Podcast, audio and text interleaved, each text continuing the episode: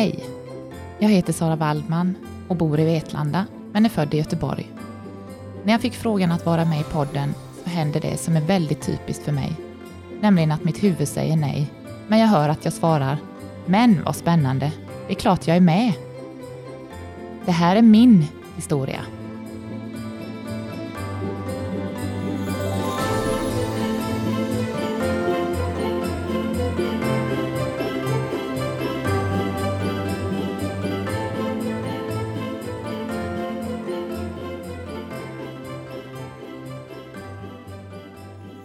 Den bruna rostiga trädgårdskrattan flyger högt och länge genom luften innan den med en dov duns landar på min systers näsa.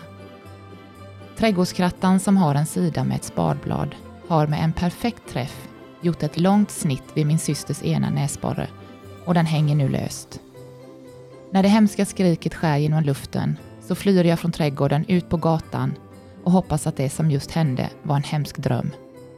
Jag var sex år och min syster Johanna fyra och ett halvt när denna händelse inträffade vid vårt hus i Mölnlycke där vi då bodde. 40 år senare återstår ett bleknat ärr på hennes näsa och såklart minnet som starkt lever kvar. Men idag kan vi prata om det som vilken händelse som helst.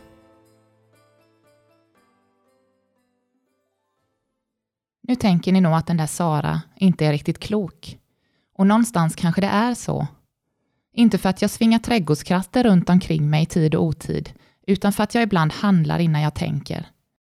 Men mitt ibland impulsiva sätt har också tagit mig framåt i livet, eftersom jag ofta svarar ja utan att tänka efter vad det kan leda till. Jag kan fortfarande höra hur högt min puls dånar i öronen som ett flygplan som går in för landning. Det är en dag i juli 1995 och jag sitter på mitt flickrum med ett krampaktigt tag om telefonen. Jag har en dialog på engelska med Douglas Thornley, som är pappa till Anna-Lise, tre och ett halvt år, som jag ska ta hand om i ett år framöver. Han berättar för mig att de gärna vill ha en svensk tjej som au pair, eftersom de har vänner som pratat så gott om svenskarna. Jag visste inte riktigt vad jag tackade ja till där och då, men var väldigt säker på att jag ville göra detta efter gymnasiet för att komma ut i världen och se mig omkring. Jag skulle till San Francisco, en helt fantastisk stad i Kalifornien. Och hösten 95 och våren 96 när jag var där blev något av det bästa jag har gjort, med massor av erfarenheter rikare. Jag har ganska ofta fått höra att jag kan vara rätt dramatisk i många lägen. Man kan väl säga att jag har mycket uttryck och känslor som jag ofta delar med mig av. En tidig vårdag 1987, när jag var 12 år, så blev det ganska dramatiskt hemma. Bomben som pappa släppte exploderade verkligen och många känslor släpptes fram. Han berättade för mig och min syster att vi skulle flytta till Småland. Vadå Småland? Jag fattade ingenting. Vi bodde ju i Mölnlycke, världens bästa lilla ort utanför Göteborg. Jag skulle minsann inte flytta någonstans. Men jag har fått jobb i Vetlanda, fortsatte pappa. Det är bara 20 mil bort och tar inte så lång tid att åka. Han försökte vara så positiv som möjligt. Pappa sa att vi den helgen skulle åka på massa husvisningar för att hitta ett hus vi ville bo i. Jag skulle den hösten börja högstadiet inne i Göteborg med mina kompisar, som vi hade längtat efter hela våren. För mig var det helt otänkbart att lämna mina kompisar och huset i Mölnlycke. Men pappa och mamma hade redan bestämt sig och så blev det. Vi fick ta med vår katt Fia och det visade sig att både jag och katten skulle trivas alldeles utmärkt i Vetlanda. Med mina 171 centimeter, som jag redan vid 13 års ålder hade uppnått, visade det sig att jag skulle komma att vara ganska skräckinjagande som nyinflyttad i Vetlanda. Det är i varje fall vad jag fått höra efteråt. Den långa frispråkiga tjejen som inte drog sig för något. Jag växte ändå in i min roll i den nya staden som hade mycket bra saker att erbjuda, inte minst träning, som är en stor del av mitt liv. Och till detta kommer jag senare. Livet för mig är något man skapar genom sina handlingar och beslut. Min mor och far har alltid sagt till mig att med en öppen hand får man någonting tillbaka, men med en knuten hand får man ingenting. Vägen i livet styr du själv över.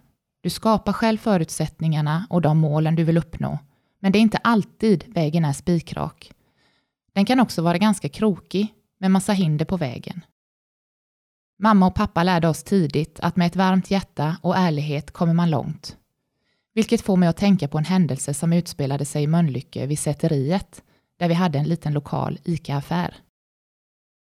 Hjärtat bultar så hårt att det känns som hela bröstet ska sprängas och jag är röd som en tomat i ansiktet. Bredvid mig står min syster och drar lite försynt i sin jacka. Tanten som står vid varubandet i affären tittar lite frågande på oss och sen på mamma som står bakom. Mamma andas ganska högt och irriterat samtidigt som hon ger mig en liten lätt knuff i ryggen.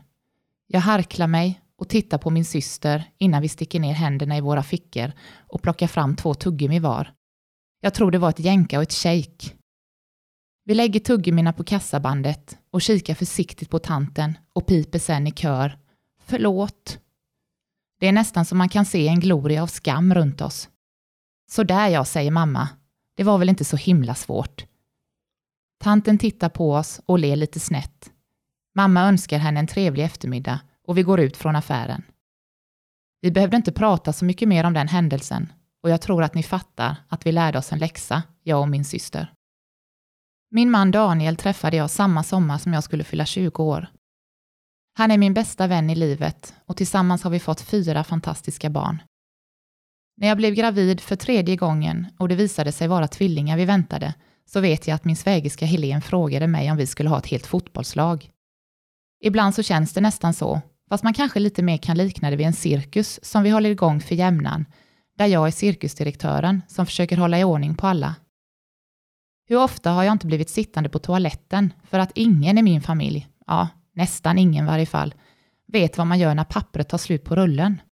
Eller hur alla smutsiga kläder förflyttar sig från golvet till tvättstugan. Hur plockar man egentligen ur en diskmaskin? Hur kommer alla saker in i skåpen igen? Fast detta har vi faktiskt löst bra tycker jag, genom att alla i familjen har en varsin köksdag, då man har hand om köket och plockar i ordning efter alla. Hur kommer det sig att mamman alltid vet var alla saker finns? Det undrade jag också när jag var liten. Jag trodde min mamma var synsk. Det har jag förstått nu att hon inte var. Men hon var mästare på att plocka undan efter familjen och då vet man ju också var allting finns. Mitt botemedel för att ta itu med vardagsfrustrationen och rensa tankar har nästan i hela mitt liv varit träning. Inträdesbiljetten till träningen blev gymnastiken, som jag började med tidigt, men som ganska snart byttes till idrotter som friidrott och simhopp. Detta var utmanande och spännande idrotter som passade mig perfekt. När vi flyttade till Vetlanda kom jag istället i kontakt med lagidrotten som var stor i Vetlanda.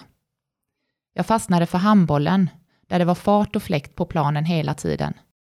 Alla träningar vi gjorde, alla matcherna vi spelade, alla eftersnack i omklädningsrummet med tjejerna i laget var otroligt utvecklande och roligt. Min mamma tränade samtidigt på Friskis och Svettis och när hon en dag tog med mig på ett pass i Hövdingen så hade jag ingen aning om att jag 20 år senare skulle ha en roll som ledare i föreningen. 2010 kom en ny träningsform in i mitt liv det var då Friskis utökade sin verksamhet genom att byta till en egen större lokal för att kunna utöka sitt träningsutbud och inte behöva trängas med andra föreningar i olika idrottshallar i Vetlanda. Jag började prova en hel del nya träningsformer som Friskis nu hade att erbjuda. Det var bland annat hit och cirkelfys, dans, step och spinning. Gymmet som också kom till i och med de nya lokalerna intresserade mig inte särskilt mycket jag gillar gruppträningen för man får så fin kontakt med andra motionärer och musiken. Spinningen var en helt fantastisk träningsform tyckte jag. Att få utmana sig själv med kondition och flås på detta sätt passade mig perfekt. Alla pass var såklart roliga, men spinningen var något extra. Och som ni vet så gillar jag ju utmaningar och gå utanför min comfort zone. Det får mig att växa som människa. Så 2013, när Friskis sökte ledare, då anmälde jag mig. Att man kunde bli så nervös så hela det kroppsliga systemet nästan lägger av var en ny erfarenhet för mig. Jag tror vi var fyra ledare som sökte. Vi sitter på bänken utanför spinningsalen. Jag sitter på mina händer, för de skakar så. Det känns som tungan fastnat i gommen för munnen är så torr. Men ändå hör jag mig själv säga, jag kan börja. Men var kom det ifrån? Fast skönt att få det överstökat kände jag. När jag kommer in i salen så sitter det sju till åtta ledare i lokalen väntandes på cyklarna. Deras ögon följer mig när jag ställer in cykeln så den ska passa mig. Cykeln som står på ett upphöjt podium känns ganska läskig. Vi hade fått i uppgift att ta fram tre låtar med olika tempon i, alltså takten, då detta är en av de viktigaste sakerna med spinning. Någonstans lyckades jag ändå samla ihop mina nerver och cyklade med ledarna genom de tre låtar jag valt och det verkade som om de tyckte att jag gjorde ett bra jobb. För några dagar senare fick jag veta att jag blivit uttagen vidare och skulle få åka på utbildning. Först åker man på en grundutbildning i fyra dagar där man bland annat får lära sig om kroppens anatomi och hur du ska fungera i din roll som ledare. Vid andra tillfället, som också är fyra dagar, är utbildningen riktad mot den träningsform man ska leda och i mitt fall då spinning. Utbildningarna består av både teori och praktik och ledarna från Riks i Stockholm, som har i uppdrag att göra oss till fullfjädrade ledare, gör ett helt fantastiskt jobb. När man är färdig med sin utbildning så ska man själv sätta ihop sitt pass med tillhörande musik och rörelser. I spinning är det ju inte så mycket rörelser, men istället tycker jag att musiken är jätteviktig. När man känner sig redo, då är det dags för slutprovet, licensieringen. Jag fick åka till Kalmar och jag vet att jag tog med mig mamma som stöd. Spinnsalen i Kalmar är mer än dubbelt så stor som i Vetlanda och ganska skräckinjagande tyckte jag då. Den är uppbyggd i etage och rymmer många deltagare, som dagen till ära hade bokats in för att deltaga på min licensiering. Jag minns att tjejen som skulle bedöma mig och till sist ge mig rollen som ledare i Vetlanda drog in en stor fåtölj i salen och placerade den bara några meter framför mig för att ha så god sikt som möjligt. Hur jag lyckades bemästra min nervositet och ta mig igenom passet som var 55 minuter, det vet jag inte riktigt. Men jag fick mitt diplom och blev godkänd som ledare. Jag har sedan dess haft pass på Friskis som ledare och nu efter åtta år tycker jag det fortfarande är lika roligt. Det kräver sin tid att varje termin leverera nya pass och utan min förstående familj så hade det nog inte gått så bra. De stöttar mig alltid och nu när barnen blivit äldre hjälps vi dessutom åt med hushållsarbete och matlagning. Man kan styra över väldigt många saker i livet för att må bra. Men oväntade saker som man inte styr över kan också ske. I våras, närmare bestämt i maj, var det min tur att drabbas av det man inte styr över. Jag är på väg till Jönköping med min man Daniel och äldsta dotter Ellen. De vill träffa mig eftersom provsvaren på mammografi och vävnadsprov har kommit. Jag är helt säker på vad de ska säga, men Daniel vill inte tro att det är någon fara. Jag hittade själv knölen i början av maj. Det tog ett par veckor innan jag sökte för den. Och när jag väl gjorde det bokade läkaren direkt en tid för mammografi i Jönköping. Det var dock en viss väntan, så efter två veckor fick jag komma. Den lilla knölen som jag hittat var knappt en centimeter och läkaren som utförde provet hade svårt att lokalisera knölen, men efter ett tag var han ändå nöjd. Efter sex dagar blev jag kontaktad och de ville då att jag skulle komma till Jönköping igen. Jag kände mig inte så orolig när vi åkte dit. Vi pratade om allt möjligt i bilen, men inte om varför vi var på väg. När vi precis ska sätta oss i väntrummet kommer Daniel på att han glömt sin telefon i bilen som står parkerad i sjukhusets garage. Och där vill han ju absolut inte ha den, så han springer iväg för att hämta den. Under tiden blir jag uppropad och går in till läkaren med Ellen. Läkaren tittar på mig och säger Sara, du är ju här för att du har hittat en knöl som vi har tagit prover på. Det finns helt enkelt inget lätt sätt att säga detta på, så jag kommer gå rakt på sak. Du har bröstcancer. Jag ser att Ellen som sitter bredvid mig tittar på mig, men jag tittar inte på henne. Jag glor istället på läkaren och ser att hennes läppar rör sig. Jag försöker koncentrera mig, men hör nog inte riktigt allt hon säger. Och det kanske är nu som jag ska säga att det svarta hålet i marken öppnade sig och att allt blir mörkt. Men det var inte så. Jag kände mig rätt lugn och vet att jag tänkte, det är bröstcancer Sara, det kommer att gå bra. Det måste gå bra. Läkaren började nu prata om planen som de tagit fram för mig. Jag hade redan fått en tid inbokad för operation en vecka senare. Jag hade fått en personlig sjuksköterska som skulle ta hand om oss när läkaren var färdig för att gå igenom allt det praktiska med oss. Denna sköterska kunde jag även kontakta precis när jag ville om jag hade frågor och funderingar. Daniel som hade kommit tillbaka från parkeringen tittar på mig med stora ögon när vi kommer ut från läkarens rum. Jag ser paniken hos honom när jag säger till honom att det är bröstcancer. Vi får all information om hur operationen ska gå till, men först ska jag göra en magnetröntgen då man vill få mer inblick i området det rör sig om. På måndag den 21 juni åkte Daniel och jag till Värnamo för undersökningen. Det fanns inga tider så snabbt i Jönköping, därför blev det Värnamo. Nu var jag mycket mer nervös eftersom jag hört att det kan vara trångt och obehagligt att ligga i trumman när magnetröntgen utförs. Jag har inte så stor erfarenhet av sjukhus, då jag sällan i vuxen ålder har haft anledning att vara här, men man känner sig ganska utlämnad i sin blåa sjukhusrock och de tillhörande vita långa strumporna. Efter 20 minuter liggandes på mage i trumman så var det klart. Och det gick bra eftersom jag inte låg på rygg och behövde se hur litet utrymmet var. Nu var det bara att vänta igen. Och det är nog det som har varit jobbigast genom allt det här, att hela tiden invänta nästa besked. Den här gången gick det snabbt och det kanske var för att jag hade en operationstid inbokad tre dagar efter min röntgen. Det besked jag nu fick var inte så roligt. Tumören kunde troligtvis vara hela 10 centimeter. De förklarade för mig att den sträckte sig från klockan 11 till klockan 15 över mitt bröst och det var för att jag skulle förstå, tror jag. Nu ändrades hela förloppet. Operationen ställdes in och de sa att jag troligtvis skulle behandlas med cellgifter innan operation för att minska tumören. Men först ville man göra en skiktröntgen på mig i Eksjö som bokats in direkt redan den 24 juni. En vecka senare blev jag uppringd av en läkare som undrade om jag ville åka till Jönköping för att få beskedet om skiktröntgen. Annars kunde vi ta det per telefon direkt. Jag minns att jag satt på parkeringen utanför en bensinmack där jag precis hade tankat och skulle åka till ett träningspass. Vi tar det nu, sa jag.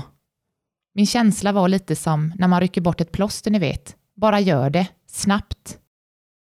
Läkaren började förklara för mig att de inte hade hittat någon melanom i vare sig lever eller lungor, men att jag hade njursten på min högra sida. Läkaren pratade på och frågade om jag hade haft något njurstensanfall någon gång. Att detta var ganska smärtsamt och att jag skulle uppsöka läkare direkt om jag fick smärtor i ryggen. Nu förstod jag ingenting. Hon måste ju ha ringt fel patient. Men, eh, sa jag till läkaren, jag har inte sökt för njursten, jag har bröstcancer. Ja, det var bra att du stoppade mig, sa läkaren och ursäktade sig att hon hade pratat på. Det hade framkommit på skiktröntgen att jag hade njursten, så hon ville informera mig om detta. Så nu var jag nästan mer rädd för att få ett njurstensanfall än för min cancer. Vidare talade hon om att tumören nog inte var riktigt så stor som de trott, samt att den inte spridit sig till några lymfar, vad man kunde se på röntgen. Däremot så hade jag den typen av cancer som liksom förgrenar ut sig mer och som innebär en större risk för spridning, så de skulle nu bli tvungna att ta bort hela mitt högra bröst. Men de skulle inte behandla mig med cellgifter innan, eftersom de inte hittat cancer på några andra kritiska ställen i min kropp. Det var en oerhörd lättnad för mig och min familj. Vi hade dessa dagar pratat mycket om att jag skulle tappa allt hår på kroppen när jag fick cellgifter för att förbereda oss så gott vi kunde. Ni förstår ju att detta var skönt att höra. De hade bokat in operation för mig den 16 juli, så nu fick jag åter vänta i några veckor. Så var operationsdagen här. Daniel är med mig när jag 07.20 checkar in på operationsavdelningen på Ryhov. Men sen får han inte vara med längre. Jag ligger på britsen och väntar på att någon ska komma till mig. Jag har återigen fått ta på mig den fina blåa rocken som jag dessutom vände bak och fram, med de snygga vita strumporna till. Det kommer in en ung man i 25-årsåldern, skulle jag tippa, som hälsar artigt och ställer massa frågor om förberedelserna jag fått till mig. Jag hade ju fastat i några timmar innan och så skulle man visst ta Ipren och Alvedon, men det hade jag missat, så jag fick det av honom.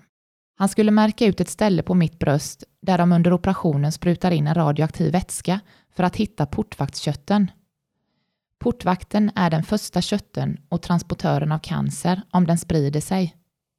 Han går till min vänstra sida och börjar förbereda och jag undrar lite om jag ska säga till honom att det är mitt högra bröst de ska operera bort. När han fortsätter förberedelserna så känner jag att jag måste upplysa honom om att det är fel bröst han är vid. Han ber så hemskt mycket om ursäkt och går över till andra sidan. Sen går allt fort. Jag rullas in på operationsbordet. Jag flyttas över till en annan brits där de förberett med en speciell bh som ska knäppas om mig när allt är klart. Alla sköterskor och läkaren i rummet är så trevliga och jag känner mig lugn och trygg innan jag somnar in. Tre timmar senare vaknar jag upp i det lilla bås som jag fick innan operation och känner mig otroligt hungrig. Jag tror inte ni fattar hur lycklig jag blev när jag såg brickan med en kopp kaffe och två mackor framför mig. Ganska torra mackor faktiskt, men det var så himla gott. Jag mådde bra, men kände mig väldigt snurrig. De tyckte dock det var ett gott tecken att jag ville ha mer kaffe. Eftersom detta var en dagkirurgi så skulle jag så snart jag kunnat gå på toaletten få åka hem igen. Jag fick träffa läkaren innan jag åkte hem och hon berättade för mig att hon var nöjd med operationen. Mitt högra bröst var borta. Ja, jag dubbelkollade faktiskt när jag vaknade, så rätt bröst var kvar. Och de hade tagit bort tre lymfa på mig, portvakten och två till. Och nu, mina vänner, så var det bara att vänta igen, i fyra veckor. Jag hade fått ett träningsprogram som det var viktigt att jag började med så fort som möjligt för att inte samla på mig vätska under operationsäret samt ut i min högra arm. Man kan få så kallat ödem och det är inte bra. Jag hade inte så ont, kände mig mest trött och groggy. Återhämtningen gick bra och jag gjorde min gymnastik med armen och fick utmana mig riktigt ordentligt när jag gjorde stretchövningarna för att inte stelna till. Eftersom jag skulle vila och ta det lugnt så hade jag mycket tid över att göra mina nya pass till höstterminen på Friskis, vilket kändes fantastiskt då jag hade full fokus på att vara tillbaka när terminen skulle starta igen vecka 35. Jag hade även mitt i allt detta tagit på mig ett annat uppdrag på Friskis som jag mer än gärna ville ro i land. Jag, Camilla Wallin och Karin Holmberg visste att det fanns en stor efterfrågan på träning för funktionsvarierade Eftersom min återhämtning flöt på bra så bestämde vi oss för att starta detta vecka 37 och köra ett upplägg med åtta veckor framåt på söndagar. Nu vet jag inte riktigt vad jag ska säga, för detta blev något som jag aldrig kunnat drömma om och har varit en stor del av min återhämtning, tro det eller ej. Att få dela denna träning med dessa ungdomar på söndagar är sådan rörelseglädje om man av någon anledning har en dålig söndag och kommer dit lite deppig, så är man inte det när vi är färdiga. Här är alla sig själva och vi tränar och mår bra tillsammans. Den 16 augusti var det dags att åka tillbaka till Jönköping för att få veta vad de fått ut av analysen av min tumör och lymfarna de tagit ut och hur min fortsatta plan skulle se ut framöver. Jag var rätt så spänd när jag fick komma in till läkaren eftersom de talat om för mig att jag förmodligen kommer att strålas en efterbehandling man gör centralt på området där man haft tumören. Läkaren Rebecka tittar på mig och frågar hur jag mår. Om det har gått bra för mig efter operationen. Jag kan inte svara henne att jag mår dåligt, för det gör jag inte. Min återhämtning har gått över förväntan och det kan hon själv konstatera genom att titta på mitt långa ärr som löper från mitten av bröstkorgen ut i armhålan. Det har läkt väldigt bra utan komplikationer. Jag tänker att vi fortsätter på den här banan, säger Rebecka. Vi kan ju konstatera att tumören inte finns kvar eftersom vi tagit bort hela ditt bröst. Så nu vill jag tala om för dig att vi inte kommer att ge dig någon strålning, Sara. Vi hittade ingen cancer i portvaktskötten och inte heller fanns det något spår av cancer i de andra två lymfarna. Där och då hade jag nog kunnat hoppa upp och ge henne en stor kram, men jag gjorde inte det, vilket jag ångrar lite. Det jag dock behövde som efterbehandling var tabletter. Denna efterbehandling har man givit cancerpatienter i många, många år och den har visat sig vara väldigt effektiv. Jag ska äta tabletterna i fem år nu om jag klarar det och inte får för mycket biverkningar. Men än så länge efter tre månader så har jag inte fått några större biverkningar av medicinen. Jag frågade även läkaren om jag kunde komma igång med min träning och det tyckte hon absolut. Du gör så mycket du kan och lyssnar på din kropp. Jag hade med mina två töser upp till Jönköping och efter läkarbesöket gjorde vi oss en härlig shoppingdag som avslutades med en god middag innan vi åkte hem. Jag är helt övertygad om att min fysiska och psykiska hälsa har hjälpt mig genom detta. Och ni som känner mig vet att jag pratat väldigt öppet om min cancer, vilket också har hjälpt mig. Självklart finns det en oro att jag kan få tillbaka cancer någon gång, lättare än de som inte drabbats, men det kan man ju inte gå runt och grubbla på. Jag har däremot ändrat min syn på att inte vänta med saker utan göra det man vill. Leva här och nu. Inte skjuta upp saker till morgondagen. Det kan vara jobbiga saker man har framför sig, eller kanske lättare för den delen. Men bara gör dem är mitt råd. Inget blir bättre av att man väntar. Våga utmana dig i livet. Gå utanför din bekväma zon.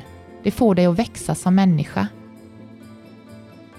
Jag vill passa på att tacka för att ni har lyssnat på mig och önskar er alla en riktigt fin jul. Kram från mig,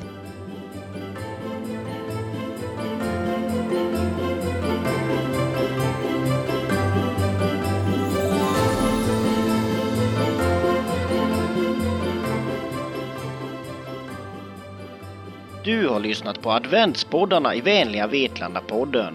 En poddproduktion av Vetlanda kommun.